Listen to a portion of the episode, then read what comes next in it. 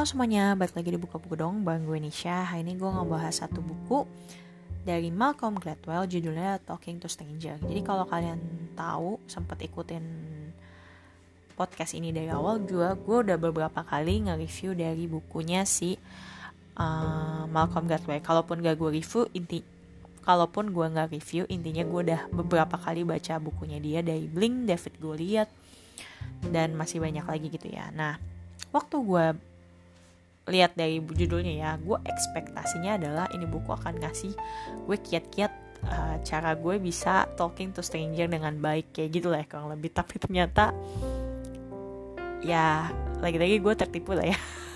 Karena memang bukunya Malcolm Gladwell ciri khasnya tuh kayak gini mengangkat banyak kisah nyata dan menarik pengalaman-pengalaman itu supaya kita bisa aplikasiinnya kayak gitulah ya. Terus dia banyak teori-teorinya. Nah ini juga yang berlaku di buku Talking to Stranger.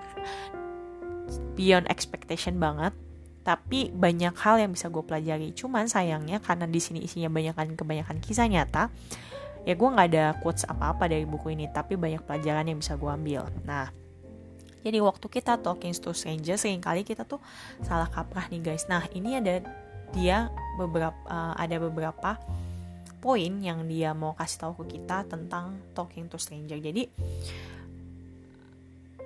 talking to stranger tuh sering kali kita menganggap orang lain alias stranger itu pasti jujur sama kita. Ini adalah satu kesalahan yang fatal juga guys. Karena banyak dari kisah nyatanya yang Malcolm Gladwell angkat itu nyatanya nggak kayak gitu. Dan memang sih ya kalau misalnya kita kayak ketemu orang kita ngerasa apa pun yang dia cerita ke kita yaitu kisah nyatanya dari dia. Padahal nggak ada yang tahu guys sebenarnya kayak apa gitu apakah dia sebenarnya bohong jujur sama kita kita juga nggak tahu. Karena he is or she is a stranger gitu ya. Dia orang asing buat kita. Kita nggak kenal dia sejujurnya. Tapi sering kali kita salah kaprah nih guys kan kita selalu punya anggapan bahwa orang lain atau stranger yang baru kita ketemu ini pasti jujur di depan kita. Dan gue pernah ngalamin ini secara pribadi sih guys. Jadi waktu gue komunikasi sama orang gue tuh kayak shock gitu kok lu bisa kayak gini? Tapi setelah gue pikir-pikir ya who knows juga sebenarnya yang dia omongin ke gue tuh nyata atau enggak atau tuh cuman ayalan dia ngayang ayalan hayalan dia atau karangan dia gue juga nggak tahu kan. Nah ini bang ini bukunya dibuka dengan satu kasus dari Sandra Bland. Jadi satu kasus yang cukup heboh di saat itu adalah di mana seorang Sandra Bland itu dicegat oleh polisi dan untuk penilangan mobil biasa sampai akhirnya berta, uh, kayak berselisih paham dengan polisinya sampai akhirnya dia di penjara dan akhirnya si Sandra Bland ini bunuh diri guys di penjara beberapa hari kemudian. Nah, di sinilah si Malcolm Gladwell mengangkat jadi sebenarnya apa sih yang terjadi dengan si Sandra Bland polisi sampai dan polisi sampai si Sandra Bland pun akhirnya bunuh diri di penjara. Ini tuh ibaratnya kayak kick off-nya dari buku ini loh tentang bagaimana talking to stranger ini bisa berujung ke hal yang gak pernah kita pikirin gitu loh ya contohnya Sandra Bland ketemu polisi yang gak pernah dia kenal dan polisi itu gak pernah kenal Sandra Bland tiba-tiba di penjara akhirnya Sandra Bland bunuh diri Nah, itu tuh. Nanti bu buku ini dibuka dari kisah itu dan ditutup dengan kisahnya Sandra Bland. Jadi nanti akan dijelaskannya di akhir dari buku ini. Terus buku ini juga awalnya kan gue baca barengan ya sama Jesus Revolution yang minggu lalu gue review.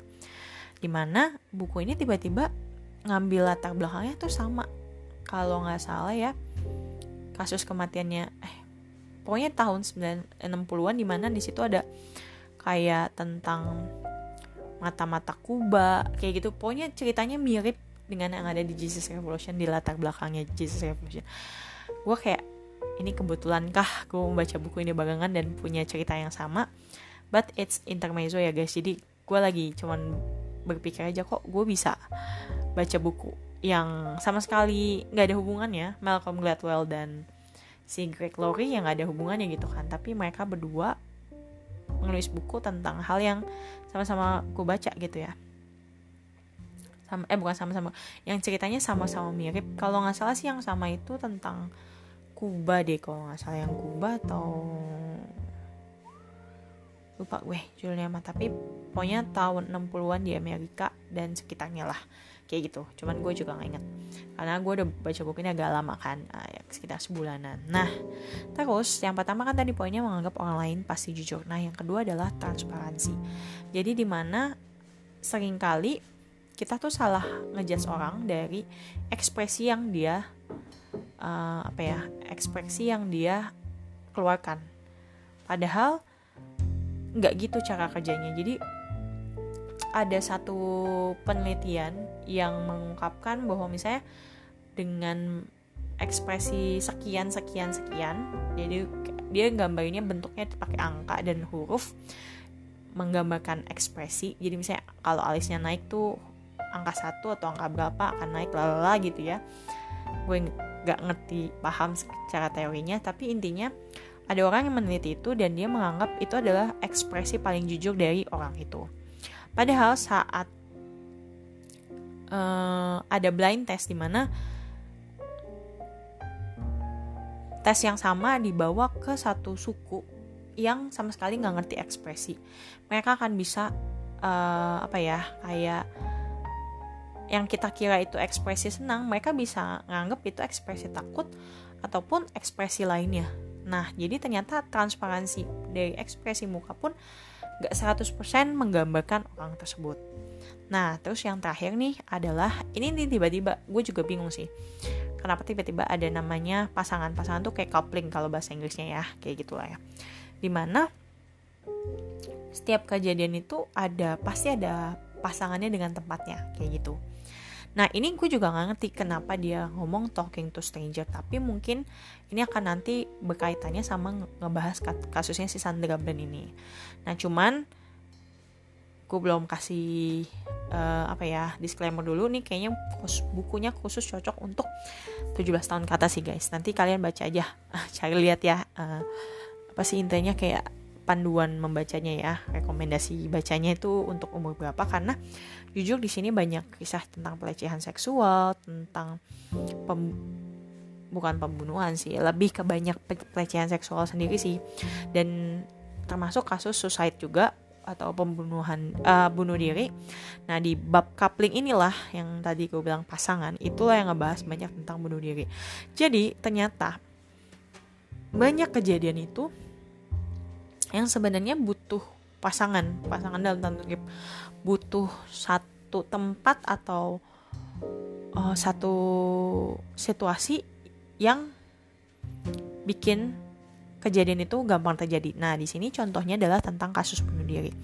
Jadi di tahun yang disebutkan si Malcolm Gladwell ini ada seorang yang bunuh diri dengan menggunakan uh, gue lupa sih kalau nggak salah kompor kompor arang ya kalau nggak salah. Jadi di pada zaman itu tuh uh, kompornya itu tuh kompor di dapur eh kompor dapurnya Amerika tuh bukan yang zaman sekarang gas yang kita mungkin ini ya. Nah dulu tuh pakai arang. Jadi dan arangnya itu arang atau gas apa gitu ya aku lupa lah. Nah itu tuh penghasil monoksidanya penghasilan monoksidanya tuh tinggi banget sehingga gampang menyebabkan orang keracunan sampai mati. Nah, inilah waktu zaman itulah banyak bunuh diri terjadi karena saking mudahnya bunuh diri ya dalam tanda kutip. Jadi coba andaikan misalnya hari itu ada orang memang mau bunuh diri tapi seandainya hari uh, dia mau bunuh dirinya di 10 tahun kemudian di saat si kompor itu tuh udah nggak dipakai di Amerika ya dia nggak akan mati guys. Kayak gitu intinya kurang lebih. Terus ada juga yang bunuh diri karena hmm, dulu pemakaian apa sih? Itu apa ya namanya? Polusinya dari dari mobil juga kan banyak tuh yang mengandung monoksida zaman dulu. Nah, jam, jadi zaman dulu tuh orang bisa mati dengan mudah dengan uh, kunci garasi terus nyalain mobil karena dia bakal ngirup si monoksidanya itu dengan banyak. Makanya inilah yang disebut dengan coupling. Dan di sini selain percobaan bunuh diri pun ada juga di mana kalau misalnya dia meng, uh, dikonsentrasikan tentang kejahatan paling banyak ada di mana sih ada di Kansas dan di kota Kansas dan nggak ternyata nggak seluruh kota Kansas tapi di distrik tertentu yang memang ada di situ. Nah akhirnya nanti dikorek-korek lah sama si Malcolm Gladwell dan peneliti-peneliti lainnya gitu lah ya. Nanti sampai ujungnya cerita ke kasus Sandra Bland yang dimulai di yang diceritain di awal buku ini. Sampai akhirnya meneliti lah kenapa ya si Sandra Bland ini harus mengalami kayak gitu. Nah ini sih menurut gue cukup sebenarnya bukunya cukup easy ya untuk dibaca karena merupakan banyak kisah nyata. Jadi dan berbentuknya cerita. Jadi membuat kita tuh apa ya terhisap lah ke dalamnya kayak gitu kurang lebih.